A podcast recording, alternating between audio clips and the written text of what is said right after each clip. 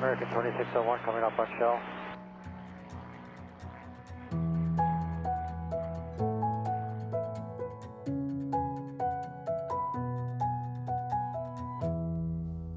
Hej og velkommen til Skyhugt, Danmarks første faldskærmspodcast. Hej Mie, Hej Michelle. så er vi her igen. Mm. Hvad skal vi snakke om i dag? Vi skal snakke om natspringsrekord. Natspringsrekord, sådan verdensrekord, Danmarksrekord, Ja, lidt, ja. lidt det hele. Øh, Danmark over verdensrekord. Ja. Ikke mindre. Og det bliver jo med et ret personligt touch surprise, fordi det er jo dig og mig, der skal fortælle om det. Det er der mig, der lavede en rekord, og så var der lige nogle andre med Så var der også vi nogle andre med, Så ja. vi var nok. Så vi var nok til at sætte rekorden. Ja, det er måske ikke helt sådan der. Så afsnittet her bliver jo super subjektivt. Ja, det bliver med udgangspunkt i vores oplevelser. Ja. Hvordan det var at være med, og hvordan det hele det ligesom... Hvordan vi oplevede det.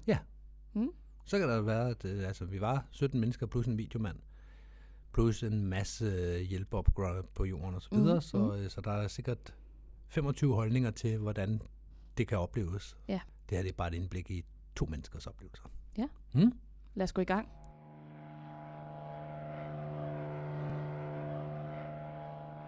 Lad os starte med dig, Mie. Mm. Hvordan øh, kom du med på en, øh, et natrekordforsøg, hvilket det jo var dengang? Jeg fik en mail fra Carsten Cooper Jensen, Mm-hmm.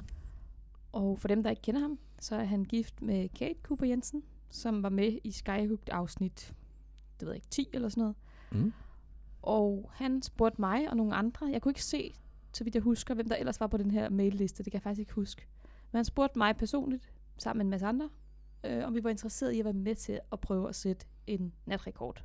Det er længe siden, eller hvordan? Det var i slutningen af 2018, tror jeg, ellers var det starten af 19. Okay, så det er meget så længe det er siden. ved at være lang tid siden, ja. Mm. Og øh, det sagde jeg ja til. Mm. Altså, når man bliver spurgt personligt, hey, vil du være med til det her? Så siger man ja. Mm. Så det gjorde jeg. Faktisk med det samme. Og så gik der lidt tid, og så fik jeg en, en rykkermail. Øh, du har ikke meldt tilbage, om du er med. Og så skrev jeg, jo, det har jeg. Nå ja, det kan jeg godt se. Dit navn står faktisk øverst. Okay. Så øh, jeg sagde ja med det samme. Ja. Og var selvfølgelig bekymret for nogle forskellige ting. Det kan vi vende tilbage til, men mm. jeg var ikke i tvivl. Nej. Hvad med dig, Michelle?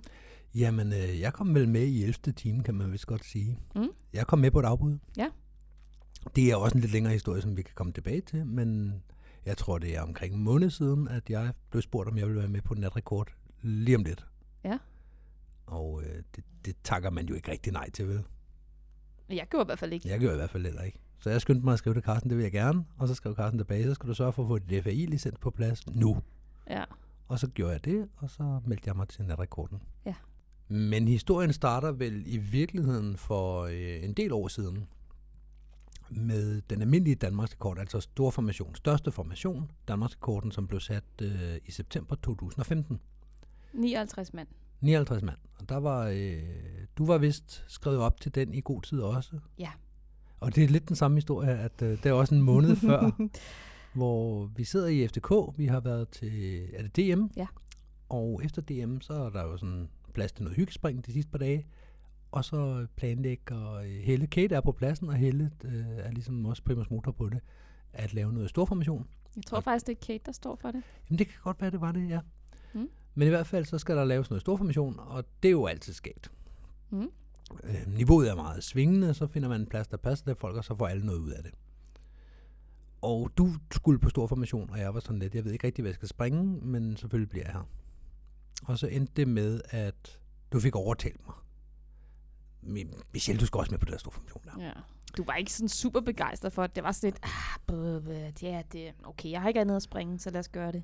Lige præcis. Så øh, jeg endte med at skrive mig op til den store formation, og vi fik et par spring.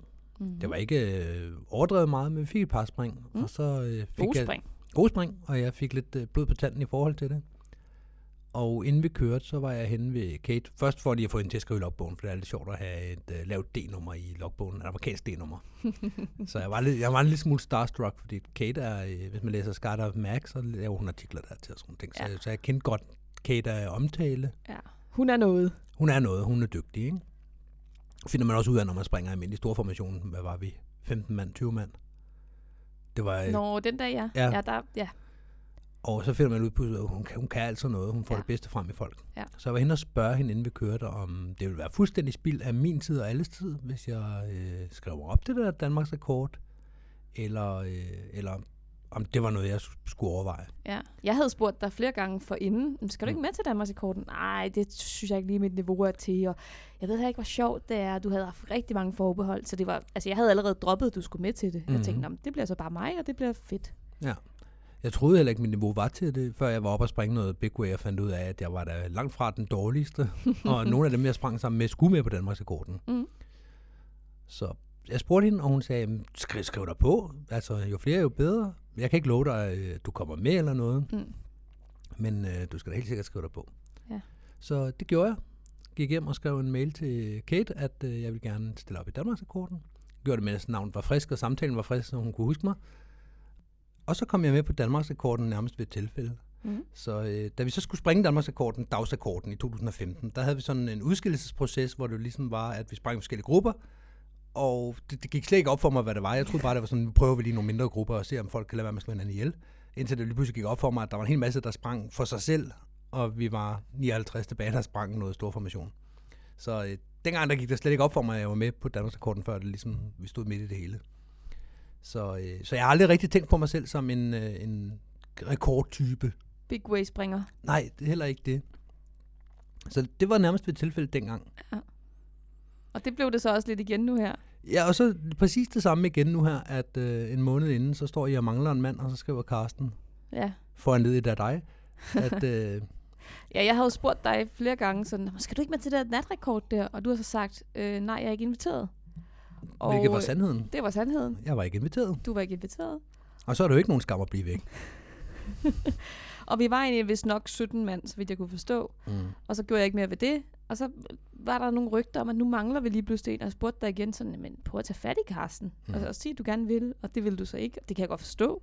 Man har også noget stolthed i det. Det ville jeg også selv have haft. Nej, det var ikke stolthed. Nej. Det var mere, at hvis Karsten havde... Øh, Karsten kendte mig jo, for han var med på Danmarks rekorden i 15. Mm. Så han kendte mig jo godt, han kendte mit niveau. Ja. Og har åbenbart vurderet, at jeg ikke havde niveauet til at være med på en natrekord med tre point. Ja. Hvilket er fair nok. Ja. Jeg var også i, i altså, jeg var ude af min comfort zone big time. Ja. Så til det var, Danmarks rekorden. til, ja, til natrekorden her Ja. også. Nå, okay, ja. Så, øh, så på den måde, så kan jeg godt... Øh, det var også til Danmarks rekorden i 15. Altså, mm. der er ikke noget af det her, jeg bare har... Øh, det ordner jeg skulle lige. Nej. Slet ikke. Så jeg kan godt forstå, hvis Carsten havde tænkt sådan, at, øh, at jeg nok ikke har niveauet til at flyve en 17-mands med tre point Ja. om natten. ja. Så det, det er fair så, nok. så derfor så tænkte du, Der er ingen grund til, at jeg kommer og spørger, hey, er der plads til mig? Og bare får et, nej, ved du hvad, Michelle, Ej, vi, har, vi har det- 17 dygtige mennesker. ja, eller vi nøjes med de 16, vi ja, nu engang har. Ja, Ja.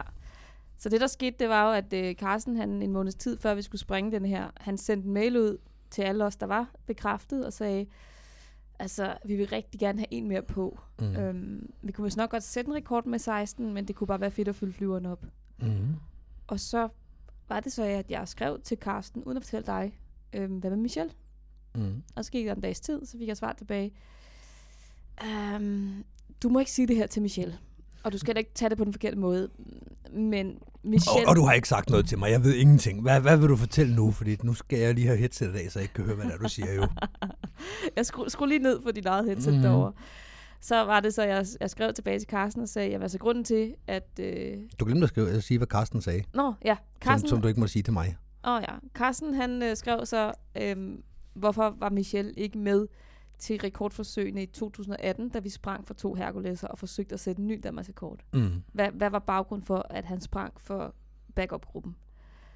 Og så skrev jeg til Carsten, jamen det handlede sådan set om økonomi. At Mm. du, Michelle, jeg skrev bare Michelle, jo ikke havde råd til at springe, fordi du tjener ikke særlig godt længere, og, øhm, og du havde egentlig afskrevet det, men så blev du spurgt, om du ville være videomand, og så var det jo et tilbud, du ikke ville sige nej til, for du ville selvfølgelig gerne springe for Herkulesen. Du har bare ikke råd til at betale det selv. Lige præcis.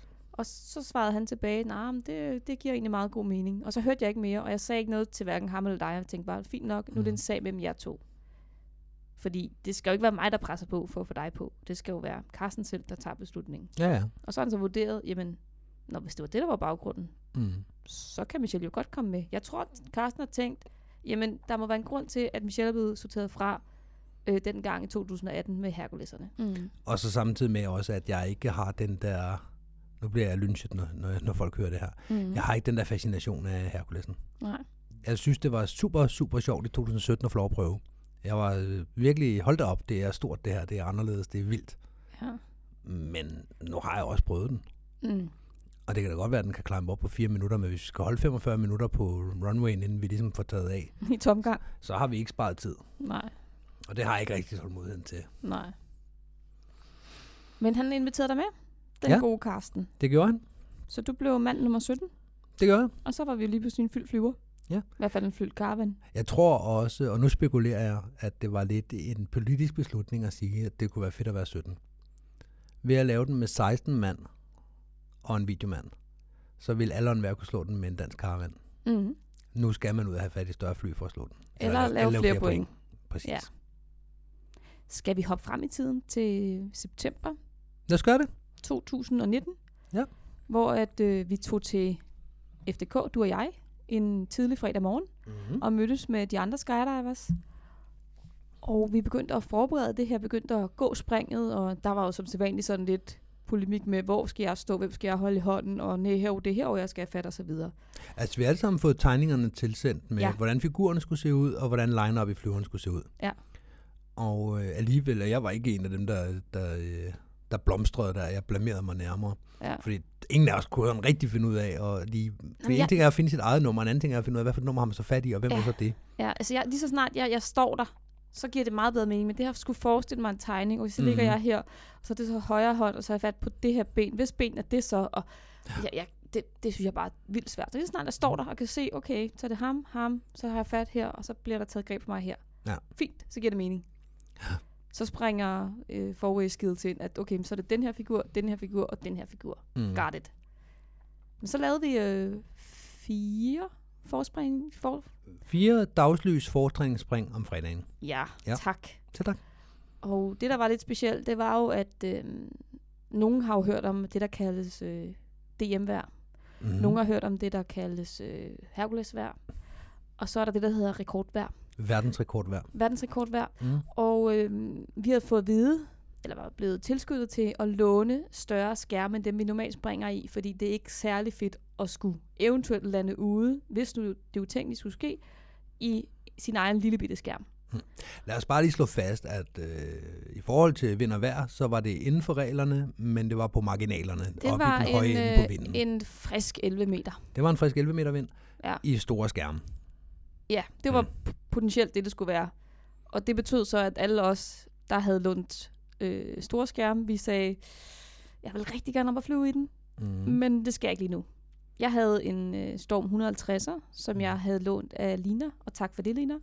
Du havde lånt en elevskærm fra NFK, Mm. 190'er. Ja. ja.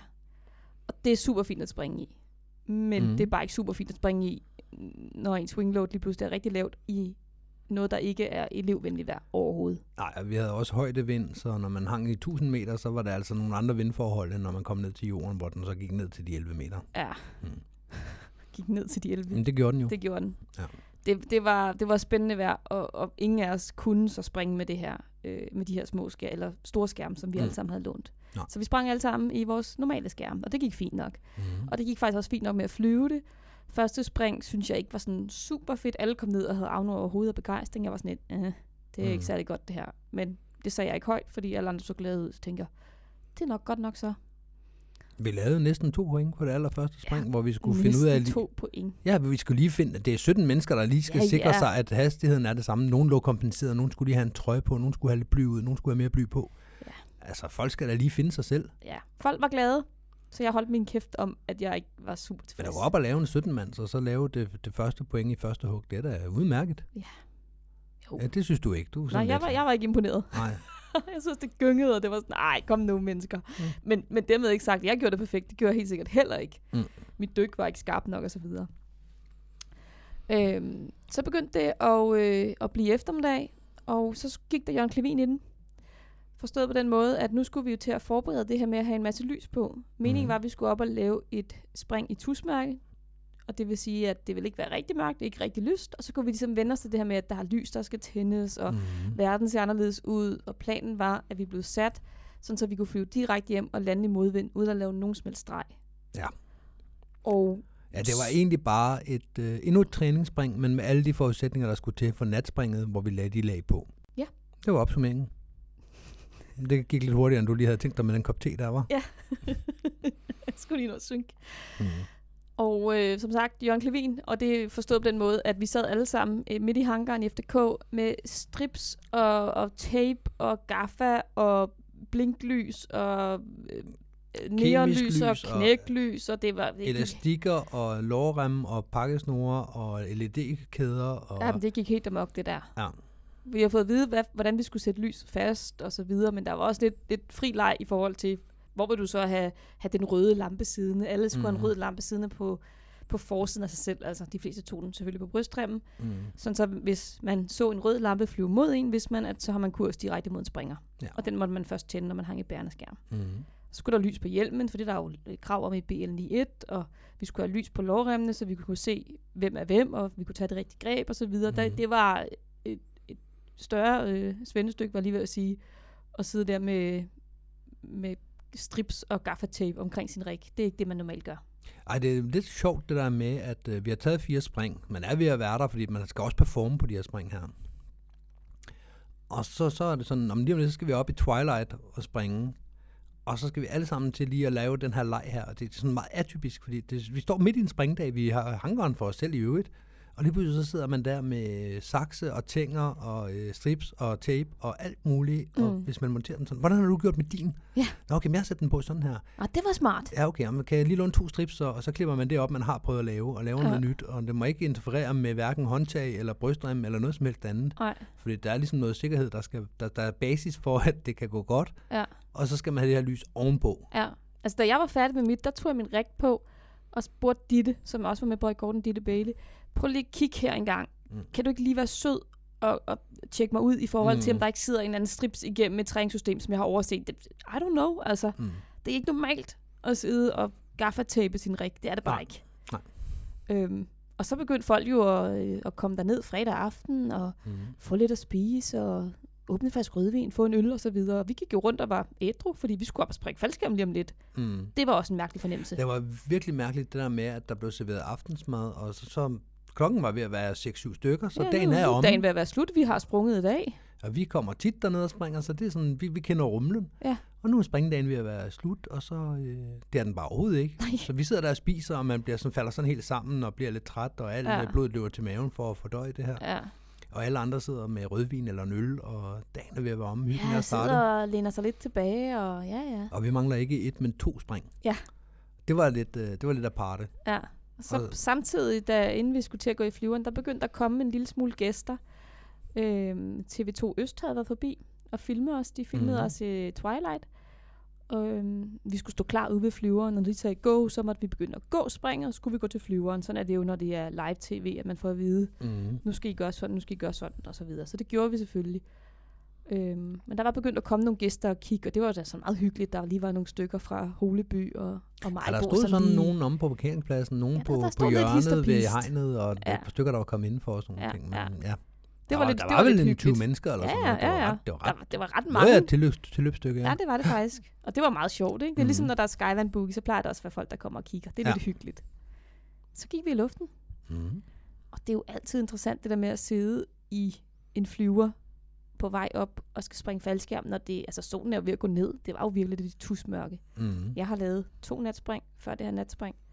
Øh, en tomands sammen med Jonas Landeværn, og en four sammen med, jeg kan ikke huske det længere, for Mm. mange år siden. Så jeg Ja. prøvede det før, men det er overhovedet ikke standard at springe nat. Det er jo, det er jo helt vildt underligt at sidde der og skulle tænde lyset i sin viso, og ting ser anderledes ud, og Men det tror jeg også er noget af det, man ikke tænker over, at når man skal springe nat første gang, man er sådan, "Om, okay, så skal jeg ud, og så bare jeg kan se jorden, og bare min lampe virker, og bare jeg kan komme hjem og lande i lyskejlen, og ej, hvor bliver det sjovt at se det hele opfra. Ja. Og det er selvfølgelig også det store ved det, men sådan en basal ting, som mange af os har jo flere hundrede gange siddet i en flyvemaskine, det kender vi. Ja. Vi ved, hvordan det skal føles, vi ved, hvordan det skal lyde, alle de her ting. Når det så lige pludselig er et natspring, og der er, der er lys i cockpittet på flyveren, det tænker man jo ikke over, når man altid har sprunget faldskærm i dagslys. At, Nej. hold da op, han har alle de der instrumentlys på. hvordan øh, byerne ser ud ned under en, når man tager afsted. Åh, oh, så må det der være den by, og det der må være den by. ja. At, at det giver et helt andet lag.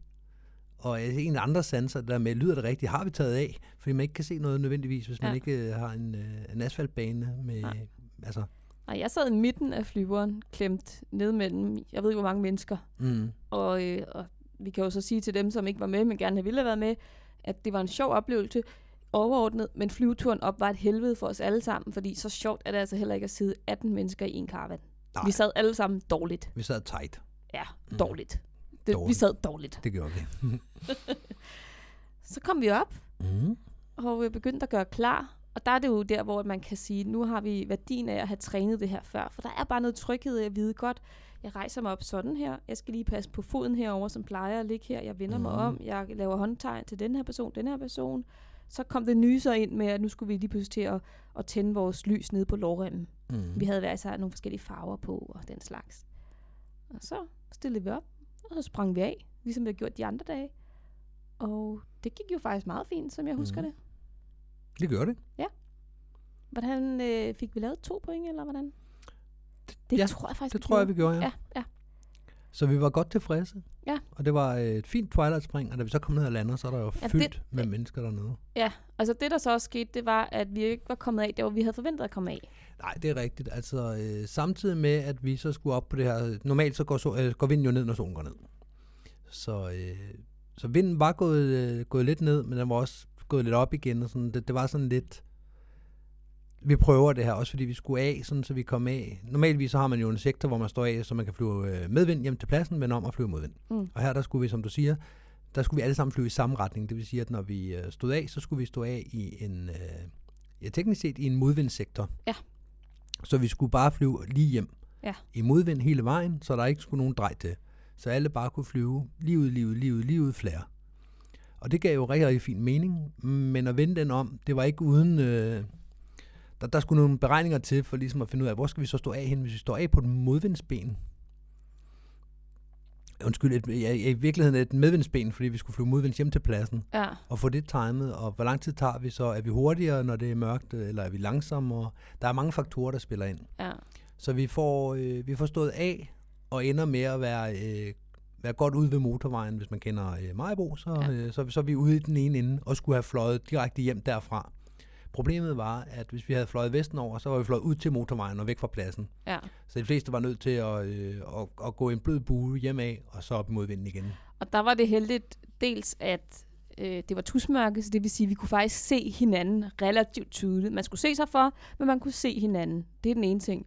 Den anden ting var, at vi hænger jo sammen med erfarne springere. Ja. Det var i hvert fald, øh, det gav mig ro i maven at vide, Mm. okay, der er ikke nogen helt nye springere her, der laver noget, noget rod lige pludselig. Ej, den mindste erfarne har været op og lave noget 100 mands i Paris, og har, øh, har 400 spring. Ja, Det var den med færre spring, ikke? ja lige præcis. Vinden er så også gået rigtig, rigtig kraftigt ned. Og jeg kan godt mærke, at jeg kommer ned og lander i min lille skærm, fordi den var jeg jo holdt fast i. Tænkte, mm. det er Mhm. den, jeg sprang i hele dagen. Nu skal jeg ikke begynde at skifte. Så synes jeg godt nok, der var fart på, og tænkte, det går fint nok nu her i Men- tusmørke, men, Men solen er faktisk gået ned. Ja. Så skal jeg så op og lande i samme sted herude midt i det ingenting, og så en, øh, en 107. Ah, det, øh, så jeg fik lige pludselig travlt, da jeg kom ind i hangaren med at skulle række lys om og så videre. Mm. Og som du sagde før, nu, før var der 20 mennesker, da vi gik op, og nu var hangaren fuld af mennesker. Ja, der har været 100 mennesker i hvert fald. Ja. Fordi folk stod udenfor, stod indenfor, stod alle vegne. Det var helt vildt. Mm. Folk var meget erbødige og sådan meget sådan holdt Mm. afstand og lod os pakke og så videre, men Ja. der stod en helt kødrand af mennesker, der bare Mhm. kiggede på os. Ja. Og det vi rendte rundt og lavede og pakkede og snakkede og ja, det var, det var virkelig spøjst. Jeg Ja, har det- aldrig oplevet noget lignende. Nej, det var en mærkelig, mærkelig oplevelse. Ja.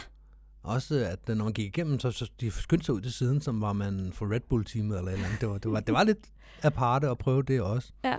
Og samtidig så var man nødt til bare at abstrahere fuldstændig fra de der 100 mennesker, fordi man ligesom skulle modtage sin debrief, brief, og så skulle vi afsted igen. Ja. Vi måtte tysse på folk, da vi skulle til at debrief. Alle folk stemlede sammen omkring øh, fjernsynsskærmen og så det her tusmørkespring, Ja. og der var helt stille, da springet blev afspillet. Mm. Og så begyndte folk at klappe, da det så var slut springet. Det var rigtig fint, og så begyndte de så at snakke videre, alle mennesker.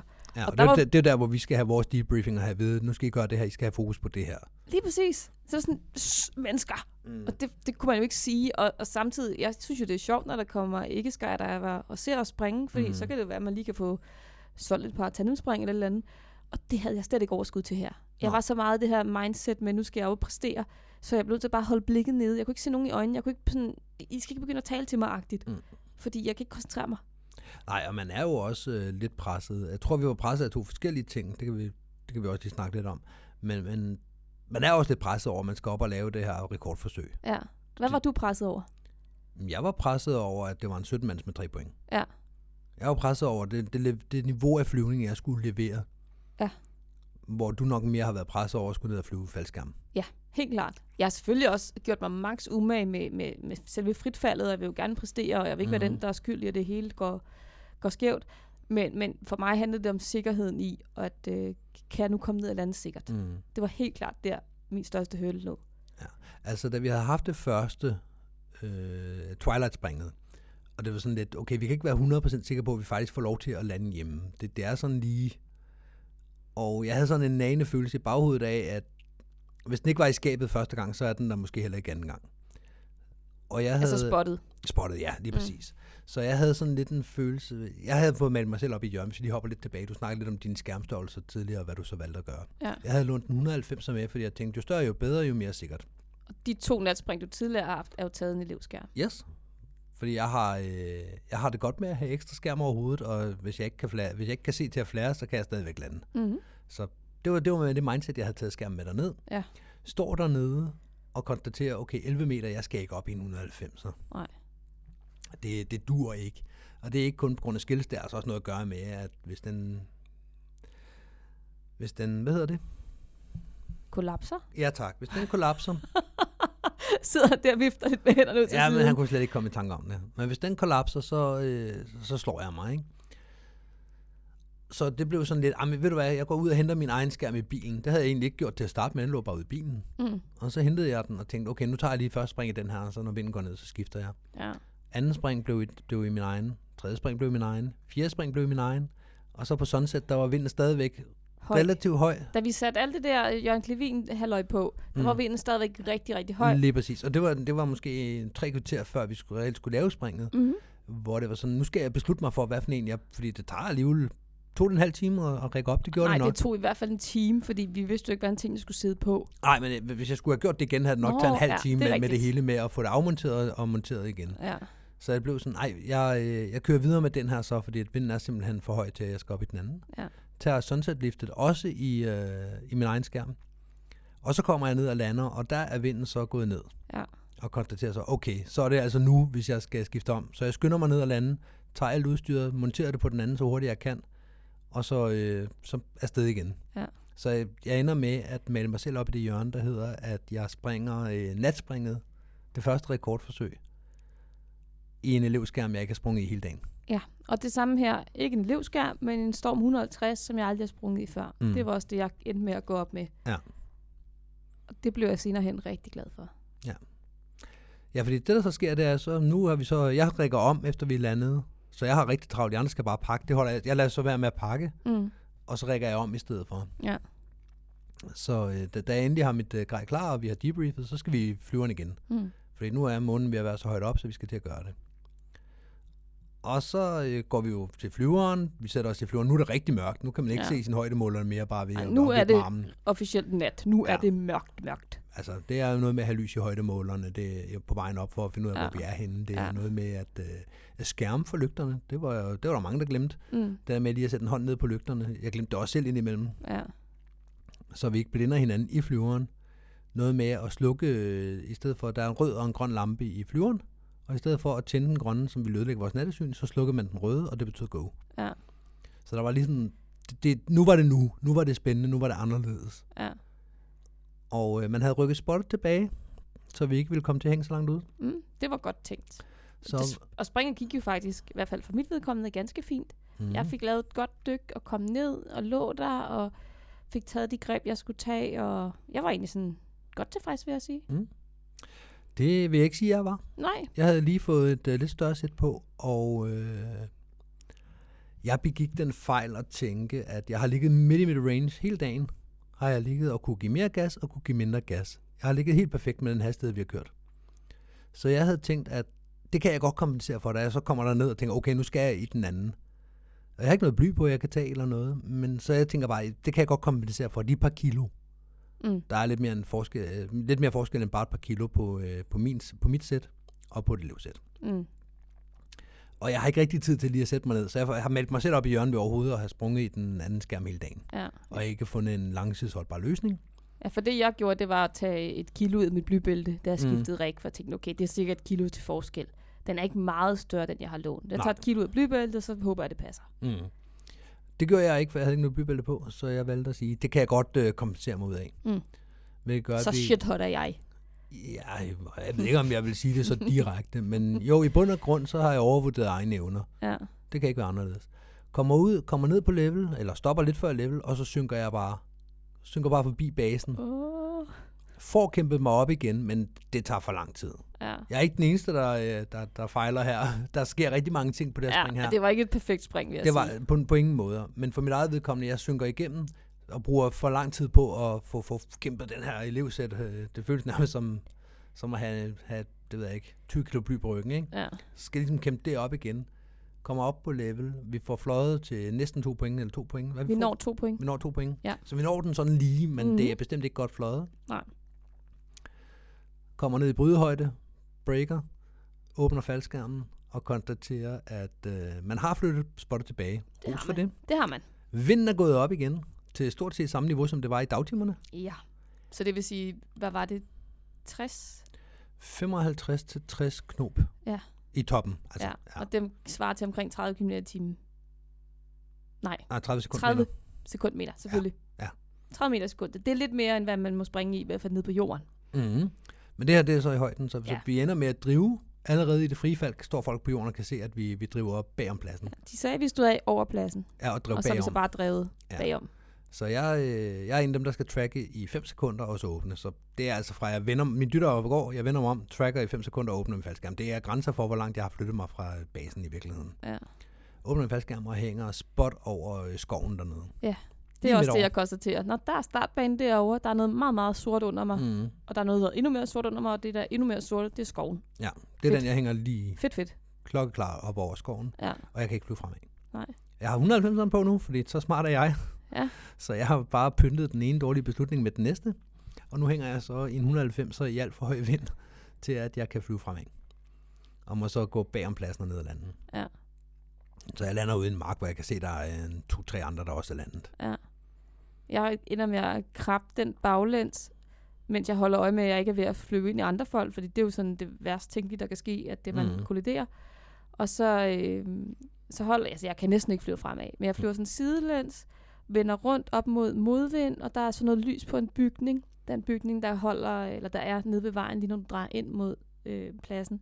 Mm. Der er by- lys på siden af bygningen. Helt perfekt, tænker jeg. Så kan jeg lande ved siden af den, men lige før vejen. Mm. Og da så kommer ned i sådan en 80 meter, så forsvinder alt vind. Så går det er vi mærkeligt. fra øh, ja, rigtig meget højdevind til Mm. nul vind. Og så Mm. begynder jeg lige pludselig at flyve fremad og har kurs direkte mod den her bygning. Mm. Mm. Super fedt. Og der er sådan en vej i øvrigt. Og jeg ender med at måtte lave et øh, ret lavt drej for at undgå at flyve ind i den her bygning. Kommer Mm. ned, får landet okay, får lige sat mig ned og, og så videre. Og jeg rejser mig op, og jeg er rystet. Mm. Altså, det, da jeg sagde ja til at lave et natspring, der var det min første tanke, åh oh, nej, bare vi skal lande ude. Bare mm. vi ikke skal lande ude. Og så tænkte jeg, mm, Carsten Cooper har rigtig meget erfaring med sig her. Mm. Der er, øhm, der, der er lavet flere af de her typer spring i Eloy, med, med store grupper af natspring og så videre.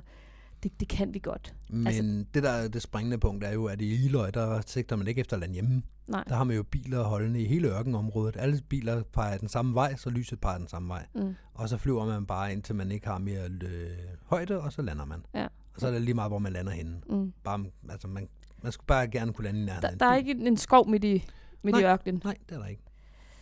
Så, øh, så jeg kommer ned, og udover at jeg ryster, fordi uh, det var skræmmende det her, og gudskelov, jeg er okay, øh, så er jeg rigtig vred. Det er selvfølgelig også en reaktion på, at jeg har været bange. Det er en Ja, det er nok, på det er nok mere en adrenalin. adrenalinudlanding, end Lige at det er vrede. Men ja. jeg, var, jeg, var, jeg var stiktosset. Der kom et, øh, et par springer og hentede mig et Mm. par elever, som jeg selvfølgelig sagde tak for hjælpen. Men jeg skummede af raseri og var Mm. så tosset over, at man ikke har taget øje for at give os et ordentligt spot. Mm. Jeg var så vred. Jeg, jeg mødte et par stykker andre, Ditte blandt andet, som havde ammen over hovedet og, jubel over, hey, vi klarede det, det var mega fedt. Og ja. Mm. fritfaldet var fedt, det at skulle ned og lande i kulsort mørke, ikke fedt. Men folk gør jo det, de, øh, det bedste, de kan. Altså, øh, det, er ikke, øh, det er bare sort uheld, at man overkompenserer, Mm. øh, og så vinden samtidig gør noget andet, og så lige pludselig så hænger vi på et spot, vi ikke kan komme hjem fra. Det Ja. sker i dagtimerne altid. Ja, der er Det bare forskel på, om det sker i dagstimer, eller sker i mørke, ikke? Åh, men det er en indbygget øh, risiko, der er Ja. ved at springe. Det var min for største frygt, der så skete der i forhold til at lave et natspring. Det var, at vi skulle lave en udlanding. Det var mm. det, der Mhm. skete, og øhm, vi kom alle sammen ned og landede uden problemer. Og så begyndte der ellers bare at køre en masse biler væk, fordi nu havde de jo ligesom set det, der skulle, se, øh, det, der skulle, skulle ske. Ikke? Ja, alle de her 100 mennesker, der havde kommet og kigget. Ja, de, de kørte nu deres vej. Vi kommer tilbage til hangaren, og heldigvis så konstaterer vi jo så, at alle er okay. Det er dejligt. Og øh, nu er der også begyndt at falde ro på, fordi nu har vi ligesom vi har lavet det sidste spring For dagen. for dagen. Vi, øh, Alle overlevede, man, man, altså, alle har haft lidt nerver på, og øh, kan jeg nu det her, og så videre. ja, Altså både i forhold til det frie fald, og i forhold til alt muligt andet. ja. Og vi har, vi har gjort det godt faktisk, fordi at, at ja, du faldt under, men du fik kæmpet dig op igen. Mm. Men på det her tidspunkt ved jeg jo ikke andet, og det, det er heller ikke nogen, der, der ved. Altså, den følelse, jeg kommer ned og lander med, er, at jeg har ikke noget problem overhovedet med at lande i mørk. Altså, jeg har intet problem i at lande ude på marken. Så jeg kommer bare ned, kvejler min skærm op, går over til de andre, tjekker, at alle er okay. Og så, øh, så begynder jeg at gå hjem af, og jeg går sådan lidt for mig selv faktisk. Jeg lander sammen med Karsten Okay. og nogle andre. Og jeg ender med at gå lidt for mig selv, fordi jeg har sådan lidt, jeg, jeg er ikke tilfreds med min egen performance i det frie fald, og jeg er lidt, jeg ærger mig vanvittigt meget over, at jeg får, øh, at jeg tidligere på dagen har meldt mig selv op i det hjørne, der hedder, at jeg skifter rigtig lige før det mørke. Ja. Kan jeg godt forstå. Så da jeg kommer tilbage, der er sådan lidt, "Nå, men så, nå, men så er det derfor, vi ikke får den, hvis vi ikke får den. Ja. Der er så sket rigtig mange ting rundt i de andre sektorer på springet også. Det er jo ikke kun mig, der har... øh, Altså, jeg har fejlet grumt og havde noget, jeg skulle fikse. Det var der ingen tvivl om. Men jeg var jo ikke den eneste, der havde haft svært ved at flyve det. Mm. Og i øvrigt så, øh, så viser det sig jo så, at vi har lavet de to point. Det er vi ret sikre på, når vi sådan hører hinanden ad, Mm. sådan, var den samlede års? Ja, ja, Ja. det var den. Var den samlede års? Ja, ja, det var den. Da, jeg, da vi lå i luften i frit Mhm. fald, der havde jeg det sådan, okay, jeg, jeg har en fornemmelse af, at den er der nu. Ja. Jeg kiggede selvfølgelig ikke rundt, men man kan godt fornemme sådan, du ved, okay, der begynder at være, være sådan lidt stille rundt i sektorerne, mm. så den Mhm. må næsten være der. Og jeg kunne Ja. mærke, at den var samlet hos os. Så jeg var sådan lidt, "Mm, fint, så er den der. Ja. Det er super godt, det her. Altså, det, det man også kan vurdere det ud fra, det er, at man ligger i andet point, som var det, vi skulle nå. Ja. Og vi ligger der et, et stykke tid, før der er break-off. Så man har sådan indtrykket af, okay, vi, vi har god tid her. Det er ikke sådan, at man kun lige når at komme ind, og sidste man måske ikke har taget Mm. greb eller noget. Så man har ligesom indtryk af, at det måske lykkedes. Ja. Og det er jo en meget fed følelse. Absolut. At øh, der, der er faktisk sandsynlighed for, at den er her, venner, og det er Mm. stort. Og så øh, dommerne er, der er en dommer på pladsen, der er to dommer, der skal fjerndømme. Og så er tilbagemeldingen, at man kan ikke rigtig se noget på videoen. Ja, den er meget mørk. Ja. Og jeg havde faktisk tænkt på det, da vi så tusmørke-videoen. Jeg synes, det var ikke svært at se, men, men, men det var da lidt, lidt mørkt. Jeg tænkte, okay, jeg håber, at, at, at når nu, at vi kommer op og skal lave det i rigtig mørke, at den her lampe vil så vise sig at lyse kraftigere, end den kan gøre i tusmørke. Så mm. det Mhm. bliver nok bedre, men, men jeg havde sådan lidt... Det, det er lidt svært at se, er det ikke det? Ja. Og det, så, så endte det med, at Carsten han sendte videoen til en specialist i USA, der prøvede at lave noget med Lightroom og så videre. Mm. Øhm, vi ventede på det hele aften, og Big bare krydset fingre for, please, please, please, få ordnet den her video, fordi den er der sandsynligvis rekorden. Mm. Men Mhm. vi skal selvfølgelig have det dokumenteret hos en dommer, der kan se pointene. Det ender så med, at svaret kommer tilbage, at øh, det er ikke dømbart. Ja. Man kan ikke se nok på det, man kan ikke se grebene. Mm. Så øh, vi har ligesom vores arbejdsdag skåret ud for os lørdag. Ja. Så vi bliver enige om at starte sent, fordi springdelen, det kan vi godt. Det har vi øh, gjort øh, hele, hele fredagen, Mm. så det giver ikke mening at gå op og lave 10 gange det samme spring. Nej. Så vi bliver enige om at starte sent, tage to spring i dagslys, et sunset og et natspring. Ja. Og så, øh, for mit vedkommende, så bruger jeg formiddagen på en gang brunch, og så skifter jeg skærm rundt. Ja. Jeg har fundet en øh, 135, jeg kan låne, som alt andet lige er øh, nogle numre større end min egen, uden at være øh, meget, meget tungere, og så kan den være i mit eget sæt. Mm. Det vil sige, at øh, riggen, reserveskærmen, alle de andre ting, de vejer det, de plejer. Der mm. er bare lige lidt mere, og så den ikke crossbrace, så det vejer nok cirka det samme. Ja. Så det bruger jeg lige lidt tid på at få taget øh, risers af og risers på. Og, øh, øh, tusind tak for hjælpen, Jonas. Altså, det havde jeg ikke øh, nået på, Nej, på egen hånd. nej. Så får monteret den om, og så, øh, så har jeg ligesom en skærm at springe i. Går, vi går op og laver de her to spring i dagspring, øh, dagslys, og det kan vi godt. Og på den ene, der laver vi også de tre point, der skal til for at lave en øh, Danmarksrekord. Det er den første, vi laver om lørdagen. Ja. Det er faktisk tre point. Og, øh, og så går vi op og laver spring nummer to, hvor vi skulle lave fire point. Ja, Og det lykkes ikke. altså på det spring med tre point. Jeg var jo så gået under dagen før. Nu har jeg fået et sæt, der ligesom passer til mig igen, mit eget. Og så går jeg op, og så går jeg under igen. Vi snakker 5-8 sekunder, at jeg kommer under. Okay. Og det er igen den der med, at jeg stopper på level mm. og synker forbi. Mm. Får stoppet det nedunder, og så kommer op igen. Ja. Men, ej, hvor var jeg bare træt af mig selv lige der, fordi hvis den ikke var der nu, Du fortalte, at Carsten faktisk kiggede på dig, der da du sank under. Altså, jeg kigger jo, øh, jeg ligger mig med siden til, så, så jeg får så meget løft med hovedet, som jeg kan. Og da jeg gør det, så kigger jeg direkte ind på Karsten, og han kunne lige så godt have peget på sit armbåndsur og spurgt, hvor jeg bliver af, eller ved jeg godt, at klokken kører. Fordi at, altså, han var ikke rigtig imponeret, kunne jeg godt fornemme. Hvilket jo også er fair nok. Men det var sådan, jeg, jeg, jeg kommer nu, jeg, jeg kommer nu. Og så kommer jeg op på level, og vi får lavet de her tre point, så det var ikke, det var ikke kritisk længe, jeg, jeg lå under, og jeg tror, inde i mit hoved føltes det meget, meget længere. Ja. Og vi fik jo heldigvis Danmarksrekorden på det, så det øh, altså Danmarks dagsrekorden Mm. på de tre point, sådan man, alt det der. Så det var jo fantastisk, men jeg frygtede lidt, altså, da jeg gik ind fra landingsområdet, der var det sådan lidt, nu skal jeg fikse det her. Ja. Ikke at jeg skal ind og snakke for min syge moster, men, men jeg skal fikse det, jeg skal ordne det. Ja. Så jeg gik, øh, du ved, på vej ind, sådan, okay, jeg, jeg skal gøre noget ved min faldhastighed. Jeg tror ikke, at, altså det er rent, det er rent mentalt nu, fordi ja. Jeg har det samme setup, som jeg havde dagen før, og der gik det fint. Ja. Jeg kunne så høre fra flere af de andre, øh, at øh, de synes også, at øh, hastigheden var kommet ned på springene. Mm. Men jeg kan ikke komme og sige, som den eneste, der gik under, at jamen, jeg har også sat hastigheden ned. Nej. Det, det dur bare ikke. Det har jeg intet mandat til. Og hvis jeg gået ind og sagt det, så var det ikke sikkert, at jeg ville få lov at komme med på den næste Så er det bare en dårlig undskyldning, ikke? Jo, det bliver det jo. Ja. Så øh, altså, foreslog de andre, at det må de da velkommen til lige at highlighte, hvis de synes, det gik langsommere. For mit eget vedkommende, der skulle jeg bare fikse det her. Så jeg Ja. gik øh, ind til Carsten og sagde, det der, det foregår inde i, det foregår, altså det er inde i mit hoved, det der, det er ikke, fordi ja. Ja. jeg ikke kan flyve. Nej. Jeg har en hættetrøje på på næste spring, og så har jeg fikset mig. Ja. Og så fik jeg lov at komme med igen, heldigvis. Ja. Og fikset det Ja. ved at have en placebo-trøje på. Ja. Og så var det så, at vi skulle op og lave øh, springet efter igen. Mm. Det var du ved at fortælle om. Der skulle vi så, nu har vi øh, lavet de tre point, og så kunne det da være sjovt at slå vores egen rekord, og så lave fire point. Mm. Og øh, over hos os i vores sektor, der gik det fint, og jeg, det jeg sådan kunne se ud af øjenkrogen, det så også fint ud, så jeg landede og tænkte, nå, det var da meget nemt, den mm. var Mhm. der så. Og det var den ikke. Nej. Det, øh, folk var blevet lidt sloppy, og nogen var, Mm. mm. ja, der skete ting og sager. Ja. Sådan var der ikke, desværre. Det men, var den ikke. Men det vil sige, så havde vi faktisk sat en Danmarksrekord med 3 point 17 mands. Mm. Så langt, så godt. Ja, så det eneste, vi manglede nu, det var at få genmonteret lyset. Ja, Dem, der havde... det, det gik lidt nemmere anden gang. Ja, nu havde man ligesom styr på, hvor tingene skulle være hen og så videre. Jeg havde så et helt nyt sæt på, fordi jeg skulle have den over på mit eget sæt igen, og have det til at virke. Ja. Så jeg måtte flytte øh, alt lyset igen. Ja.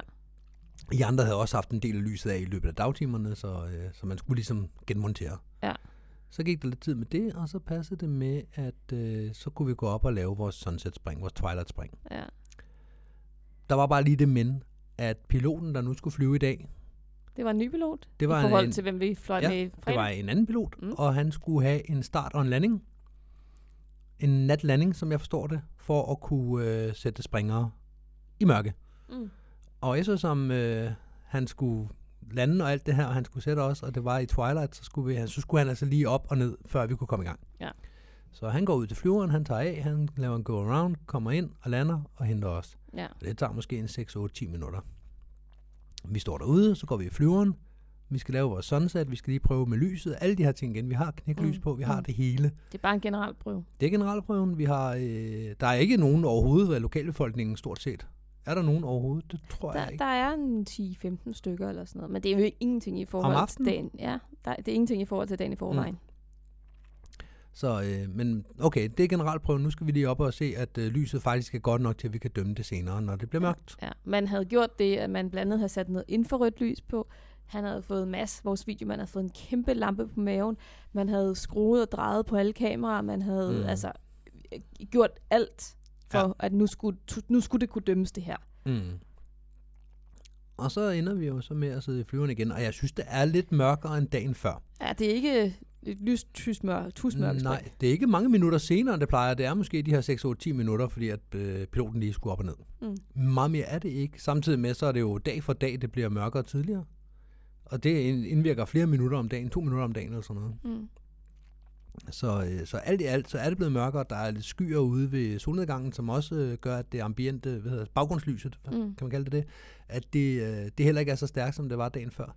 Så alt i alt, så er det hele er lidt mørkere, og man mm. sådan er sådan lidt, "Nå, men nu håber jeg, at jeg kan se til at lande. Ja, lige præcis. Det var også min bekymring. Okay, vi har lige haft en udlanding i går i mørke. Mhm. Mm.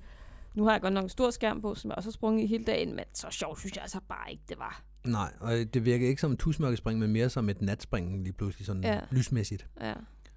Kommer op, vi går, vi går op, vi laver, øh, vi laver to point. Vi har. Ja. et godt spring. Ja, det øh, første point rigtig fint. Andet point, det gyngede, som var det Molsfærgerne i modvind. Altså, det, Jamen, det, var, det var især over ved jer, var det ikke det? det var hele formationen. Okay. Ja, for vi havde lidt uro bagved, men Kønt fik styr på det det, efter øh, første point. Okay. Nå, fordi vi havde Og det er rigtigt nok, vi var nødt til at slippe et øh, begreb, fordi at øh, Kane lige pludselig valgte at, øh, at dykke et par meter og komme op igen. Ja, videoen viste, at sidste point var i kagen. Og det er ikke sådan, man laver et stor formation. Nå, pjat. Visse vasse. For dem, der ikke ved det, der samler man information indenfra og bygger ud af. Og det Mm. var ikke det, der skete her. Vi byggede ud af og så ind. Det er sådan, vi kører. Det er sådan, vi ruller. Ja. Men vi fik da de lavede de to point. Ja. Og øh, så skulle vi jo bare ned og lande. Mm. Og det gik faktisk godt den her gang. Vi landede hjemme. Ja, og Jeg vi kunne sige- faktisk følge flyveplanen med bare at flyve i modvind. Ja. Og komme ned. Uh, nogle af jer kunne. Jeg havde en meget flatflyvende skærm om at lave en stor 360'er for at komme ind og lande i området. Og jeg Ja. landede alligevel meget langt nede. Mm. Men, øh, og jeg landede heller ikke særlig elegant eller noget. Nej, det gør man jo ikke, når man lige har en ny skærm på. Nej. Du landede et stykke bag ved mig. Så jeg var længere uden du var. Jamen, jeg lavede også en 360'er rundt. Mm. Mm. Mm. Så øh, vi kommer tilbage, og sådan, okay, hvis den kan dømmes, øh, eller ikke hvis den kan dømmes, hvis den kan ses, så har vi en chance, det er det, Ja. Hvis vi kan se det, og så kommer vi tilbage, og debriefing er, at jamen, de to point, de er der, de er der, øh, de er der tydeligt. Man kan sagtens se det. Tror vi. Ja, tror vi. Så vi skal have den ud til dommerne, og hvis den er dømbar, hvis de dømmer den, jamen så har det vist sig, at fordi vi var lidt længere om at komme i gang, tusind tak pilot, Ja, så er det faktisk et natspring. ja det I var det gået hen og blevet nat. I det øjeblik, vi sprang af, der var vi øh, i FAI-definitionen nat. Ja. Så øh, det var ikke sket, hvis piloten havde haft sine ting i orden på forhånd, så det er vi rigtig, rigtig glade for, at han ikke havde. Men det skulle altså ligesom dømmes, og ja. øh, der var nogen i Norge og nogen i et andet sted, der skulle dømme den. Ja, der var Ulla i Danmark, en i Norge og en i Schweiz eller USA eller langt væk. Et andet sted. Ja, et Så, land. der var, så, så vi var ligesom, den blev uploadet, og det tog tid. Øh, den danske dommer sagde, at øh, den var godkendt fra, fra hendes, altså, Ja. hun ville jo ikke sende den videre, hvis hun ikke mente, at den var, øh, den var, god, øh, den var til godkendelse. Det tænker jeg, det kunne hun jo sådan set godt, fordi der er vel kun to dommere, der har brug for at nikke til den. Og hvis hun siger, at det der, det kan ikke dømmes, som, som fredag for eksempel, ja, ja, der var ingen grund til Ah, at sende den video afsted. Nej? Så øh, video, øh, videoen blev ligesom sendt afsted, og så måtte vi så se, men vi opfylder kraven til natspring. Ja. Men øh, hvis vi skal op, så vi skal være wheels down kl. 22, det vil sige 21.45 skal vi senest øh, tage. Ja. Så 21.35, der mødes vi igen, og hvis vi ikke øh, har fået noget at vide, jamen så er vi nødt til at gøre klar. Ja. Og minutterne går, og man har sådan lidt følelsen af, at man skal til skafottet nu. Ja, præcis. Og igen, at folk sidder med rødvin, og sådan, mm. det er sådan Mm. lidt et tilløbsstykke for dem. De kan jo sidde ganske Ja, ja, de tilbage synes jo, det er og, og super kigge på spændende. det. Ja, lige præcis. Det er sjovt at følge med i, mens man sidder, sidder med en øl og har sit på det tørre, ikke? Og vi mm. går Mhm. rundt der, og, og lige pludselig så er klokken altså fem minutter over halv, og vi begynder at greje op, og vi begynder at snakke om, at det er ligesom en, en amerikansk film, hvor en eller anden skal henrettes, og Ja. man venter bare på, at telefonen, Telefonen ringer, ringer, ja. og, og man måske bliver, bliver benået, men, men lige nu der står vi altså med, med gradet på. Altså, vi står vi på står grejer skafottet. Vi står og grejer op, Ja. mødes i midten, fordi nu er den 35, det vil sige, om 10 minutter skal vi være ved flyveren for ja. At nå det. Vi skal lige nå at gå den igen. Lige præcis. Okay, exit-figurer, alle stiller op der, hvor de... Øh, eller ikke exit første point. Ja. Alle stiller op, bum, vi er her. Carsten kigger ud over forsamlingen, og så har han noget at fortælle. Han har to Ja. ting at fortælle. Yes. Den ene ting er, Øhm, når vi er færdige med det her, så husk lige at aflevere de der lys i sig stridende på lårremmen, fordi mm. de er ret dyre, dem vil jeg gerne have igen. Det er jo Yes. fair nok. Og den anden ting er, at øh, når dommerne har jo lige sagt, at den faktisk er godkendt. Så vi har sat en verdensrekord. I er verdensrekordindehaver, vi skal ikke op og springe nu. Ja. Oh, Ja, det var, øh, det var en kulmination. Det der med ikke at vide det, og, og skulle op og lave et reelt natspring Ja. ja. igen, ja. med de forudsætninger i, øh, i små skærme, eller relativt små skærme, og kan, man- lander man ude, lander man hjemme, hvad skal der Ja, ske? ja. Det er ikke uden risiko. Nej, det er det ikke. Men hele, hele den der opbygning, at kroppen er fight and flight, Ja. fight or flight, at man, man står der, okay, så gør vi det. Nu går vi, Ja, ja, nu går ja, vi den, og man- så, man- så er vi nødt til at gøre det. Man skulle begynde sådan at syge sig selv op til, Ja. fordi nu har jeg ligesom puffet lidt ud efter den første, Mhm. så nu, okay, nu skal jeg lige op i gear her igen. Og jeg lige pludselig havde jeg faktisk fået nerver på. Mm, det jeg havde jeg også, men det var, fordi, helt anden det var fordi, vi nåede at få at vide, at hvis den øh, kan dømmes, så skal I ikke op igen. Ja. Så man har sådan ligesom, okay, helt op. Nu har vi været op og springe i noget, der var nærmest natforhold. Ja. Helt ned, Ja. fordi den, det er muligvis, at den er der, og vi ikke behøver at springe mere. Ja. Okay, vi, kan ikke, øh, vi er nødt til at greje op, kære venner. Helt op igen. Helt op på tåspidserne. Ja. Hen og mødes. Og så, ja, den var der. Helt ned igen. Det der øh, adrenalinudladninger der. Ja. Man var helt rundt på gulvet og så dobbelt, altså. Ja. Ja. Og så samtidig med, jamen, den ikke, altså, en ting er, at du er op, du er nede, du er op, du er nede, i forhold til både performance og sikkerhed. Mm. Og så lige så meget det der med, jamen, i øvrigt så har I jo en øh, verdensrekord. Ja. Ja, det skal også lige øh, processeres. Ja. Det var ikke bare sådan lige, altså selvfølgelig var man glad, vi jublede, vi gav high fives og krammede hinanden, og tillykke verdensmester, eller verdensrekordindehaver, alt det her ting her, Ja. at man, det var kæmpe stort, men samtidig så var, altså lillehjernen skulle også lige fange det, Ja. skulle også lige være med på, at øh, Ja. prøv lige at lukke noget dopamin ud her, jeg har fortjent det. Ja, Fordi præcis. den er sådan lidt, jamen, jeg har skruet op for kortisol og adrenalin lige nu. Ja, ja. Vi er helt i alarmberedskab, Ja, nu skal vi op og springe, og vi skal præstere, og vi skal ned og lande, og vi skal alt muligt. Uh! Ja, så du har øh, adrenalin og kortisol og dopamin og serotonin, og det hele det banker rundt i en lystig blanding Ja, af ja. altså en, en suppe derinde Ja, af, af hormoner i alle retninger. ja, ja. Mm. ja det, var, det var vildt.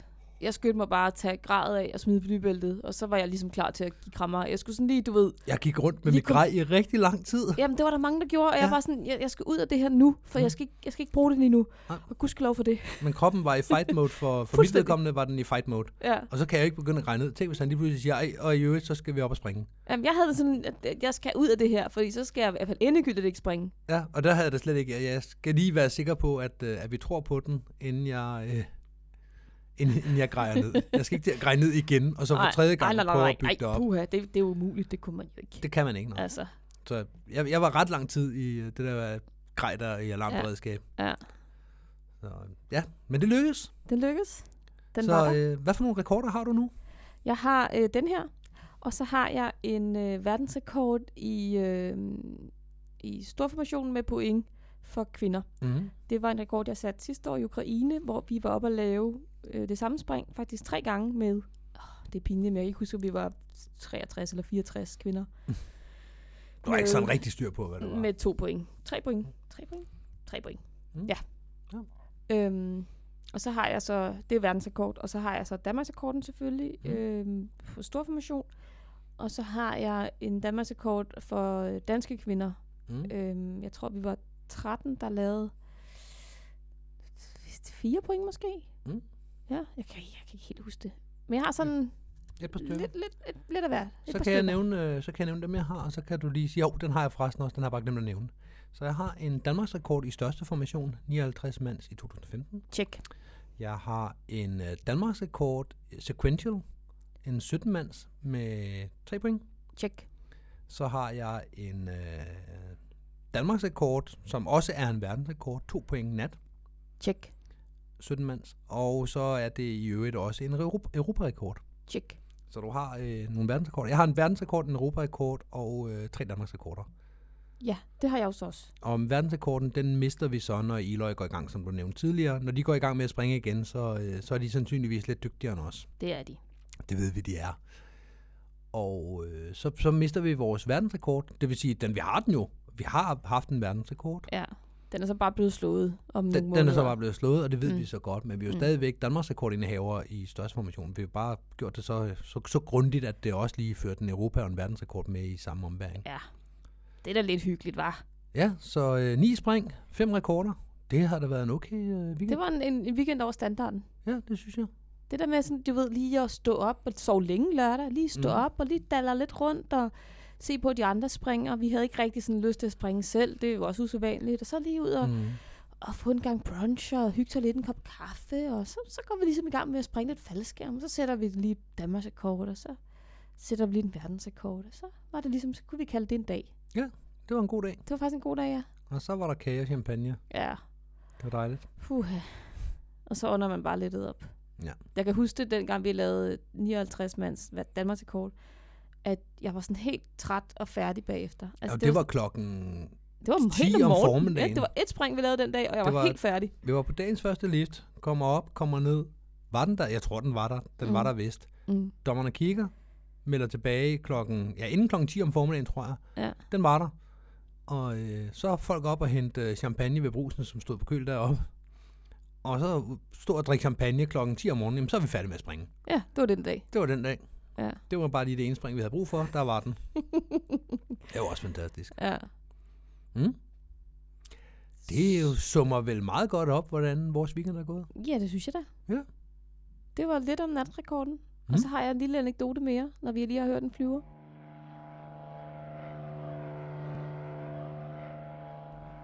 Nå, men inden vi kaster os ud i at, at få hørt You Know You're a Skydiver When, og få afsluttet og sagt farvel for den her gang, Mm. så sagde du, du havde en anekdote. Det har jeg. Hvad er det, det hedder? En, en prolog og en Epilog. epilog. Det er ja. Ja. en form for epilog, det her. Proktolog. Hvad? Nej, epilog. Øh, det er sådan, at jeg øh, arbejder i et datterselskab i en kæmpe koncern, og vores koncerndirektør, han hedder Karsten. Det er meget, meget spændende, hvad du Ja, fortæller det er nu. meget spændende, hvad jeg fortæller om nu. Ja. Så øh, efter vi har sat den rekord i lørdags, der, øh, der får jeg et opkald, øh, mens jeg er i et møde med en chef, øh, på et nummer, jeg ikke kender, til mm. min Mhm. privattelefon. Og øh, det afviser jeg, fordi der er ikke tid til lige nu. Så sætter jeg mod bilen. Jeg skal køre tilbage på min hjemmeadresse, eller på min arbejdsadresse. Mm. Og, øh, og så har jeg et sms fra Karsten, hvor der står, øh, Hej Mie, det er Karsten. Ring til mig hurtigst muligt. Det drejer sig om noget med tv. Mm. Og, øh, og jeg er marketingkoordinator i det her firma, det her datterselskab.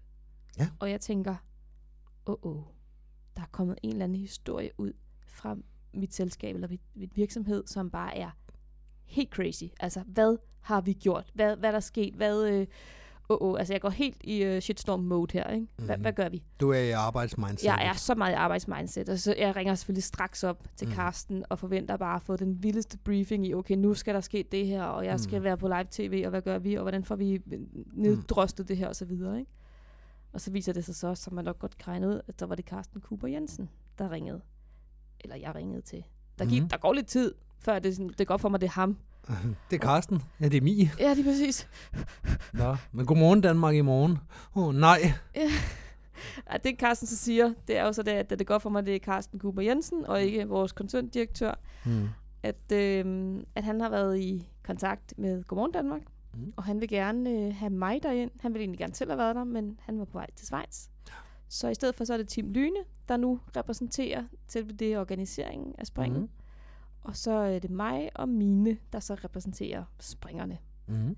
Så øh, næste morgen, der øh, tager jeg til, til Tivoli i København, og, øh, og kommer derind, og så skal jeg til at være med i Godmorgen Danmark. Måske skal man lige sige, at Godmorgen Danmarks Studier ligger i Tivoli. Du fejrede det ikke med en Tivoli-tur. Nej, Det er bare, hvis folk ikke lige er med på præmissen, så lyder det som om, at du er på vej i rusjebanen. Ja, lige præcis. Det skal fejres. Yay! Godmorgen Danmark studiet om sommeren, det ligger i Tivoli. Yes, og det er Så- ifølge Godmorgen Danmark stadigvæk sommer, så der lå det. Ja. Mm. Så der kommer jeg ind, og så en, en formiddag, det var at gå hen og blive formiddag, klokken var halv otte, otte. Mm. Mm. Der mødes jeg så med, øh, med Mine og med Tim. Og så øh, får vi lidt make op i ansigtet, og snakker med, med vores vært her, og han har tusind spørgsmål til os. Mm. Mm. Vi har ligesom fået at vide, at det må tage 8 minutter. Og hver gang han stiller et spørgsmål, så er der jo tre mennesker, der har travlt med at tale i munden på hinanden og fortælle, om det er jo også fordi, uh, og vi har jo så meget at snakke om og fortælle Mm. om, og nu skal du bare høre og så videre. Og hver gang så må han afbryde os. Det er altså før interviewet overhovedet er gået i gang, det her. Han vil bare sådan lige, Mm. lige finde ud af, hvor ligger guldet her, ikke? Ja. Og vi måtte jo sige til ham, jamen, du bliver nødt til at pege på os, hvem skal snakke nu. Mm. Fordi ellers så snakker vi fra nu af og til evigheden. Altså, I munden på hinanden. Ja, han, han lavede faktisk en joke, da vi så var på vej ind til studiet, sådan noget med, at okay, men så jeg skal egentlig bare sige, om kort her til sidst, så... Mm. Altså, det er sådan, han skal indlede interviewet, fordi vi kunne blive ved, og det kunne han godt fornemme. Ja. Øhm, men så kommer vi ind der i studiet, og vi sætter os op på sådan nogle højbord. Foran os, der står en øh, kop vand til os hver især. Mm. Og, øhm, og medverden, øh, hvad er det, hun hedder? Jeg ser ikke tv. Det er den helt forkert. Jeg skal lige høre, var der vand i koppen? Der var vand i. Det lignede kaffekopper. Men det var Jeg meningen, det tror- skulle se ud som om, at de Jeg skulle tror, det sidde og hygge med en dejlig lige kop præcis, kaffe. lige præcis en Men det var der ikke råd til. var- morgenkaffe. Ja. Altså, verden drak kaffe, men, men I andre, I kunne få et glas Vi vand. andre vi kunne få et glas vand. Jeg vil så også sige, at øh, da vi gik hen til det her studie, vi man gå op ad sådan en trappe, og så Mm. ind, og der var, det var i reklamepausen, vi så fik lov til at sætte os ind. Øhm, der snakkede Mine og jeg om, at okay, mit hjerte, det banker. Mm. Vi var lige pludselig blevet så nervøse. Det var mere skræmmende at skulle gøre det her, end det var at skulle sætte netrekorden. End at springe 100. 17 mand ud over en skov og skal ned og lande i Bullerne Mørk. Det var super skræmmende. Mm. Mm. Det var, altså nu snakkede vi om den her henrettelsessituation før. Det var lidt den samme fornemmelse, vi havde her. Vi sad ved de der højbord, og, øh, og så havde vi fået at vide, okay, I er på om tre minutter. Mm. Og så skulle de lige lave et eller andet hyggeligt indslag med noget med, at danskerne spiser for meget slik eller et eller andet. Så snakkede hun om det over i det ene hjørne, Mm. Og så kunne man sådan se på den tv-skærm, der var foran os, at den bare talte ned, og det var bare, du ved, lige pludselig så Mm. tre minutter, ekstremt lang tid, og virkelig også meget kort tid, Ja. fordi om lidt så blev vi henrettet på Mm. live-tv. Det var, det var tanken, ikke? Afhørt. Og, og du og jeg har jo tidligere snakket om det her med, at vi har deltaget i nogle reklamefilm og sådan lidt af hvert. Du har også været med i Versus og sådan. Mm. Så, så det er okay at være med på en tv-skærm. Øhm, Det er bare et helt andet game, når det er live. ja. Snubler man i noget, så er der ikke nogen, der lige siger, "Ej, vi tager den lige om, eller kan, Nej. du, kan du lige prøve at stille dig herover, og hvis du så lige kan få spørgsmålet med i, uh, det, i det, du svarer. Er det Birkes, du har med fortænderne? Ja, lige præcis. Ja. Ja. Det er der bare ikke noget, der hedder. Nej, det var bare synd. Ja. Det har hele Danmark lige set, eller kan potentielt se. Ja, det er præcis. Er det, Det en var- bussemand, der hænger på kinden? Ja, det er det. Og den har hele Danmark så glæde af. Jamen, det, altså, ja, Ja, ja. ja. man bliver lige pludselig utrolig selvbevidst. Fuldstændig. Fordi netop, det kan ikke bare tages om. Vi kan Nej. ikke bare... Øhm, og, og samtidig var der udfordring i, at vi skal snakke om vores passion. Det er jo fint nok. Mm. Men vi skal snakke om det på en måde, så herre fra Danmark forstår det. Og vi har kun 8 minutter til tre ja. mennesker. Og det var hammerende svært, når han stiller et spørgsmål, ham verden her, og forklare, jamen, hvad er det, der er foregået her? Altså, Mm. Mine bliver bedt om, at, men uh, Mine, vi ser lige springet her. Kan du så ikke forklare imens? Jo, men det, der så sker, det er, at vi står ude på siden. Og så er vi så klippet videre til, her er vi ved at by- først point, og så, nu, og så bryder vi. Ja, fordi de har jo klippet, sådan så man har exit, første point, anden point, break off. Ja. Og Mine, er du sød lige at sætte en masse ord på det her, og så tænker man, "Nå, okay, det kan jeg godt nå, så øh, Ja. jeg starter med at fortælle, at her der står vi uden på flyveren, vi er på, nå, nej, okay, så er vi så i det frie fald, nej, okay, nu er vi så, nå, og, hold da op. Ja. Så, det, er jo, det jo en utaknemmelig opgave. ja.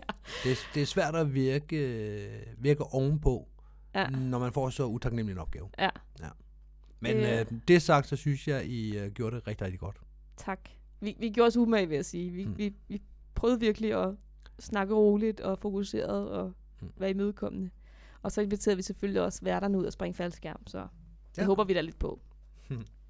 Jeg tænker, hvis det lykkes os at få ham der Adam, som verden hed, og med op og springe lidt, så øh, kan vi jo også lige snakke lidt om det Skyhook den anden god gang. Hedder han etteren?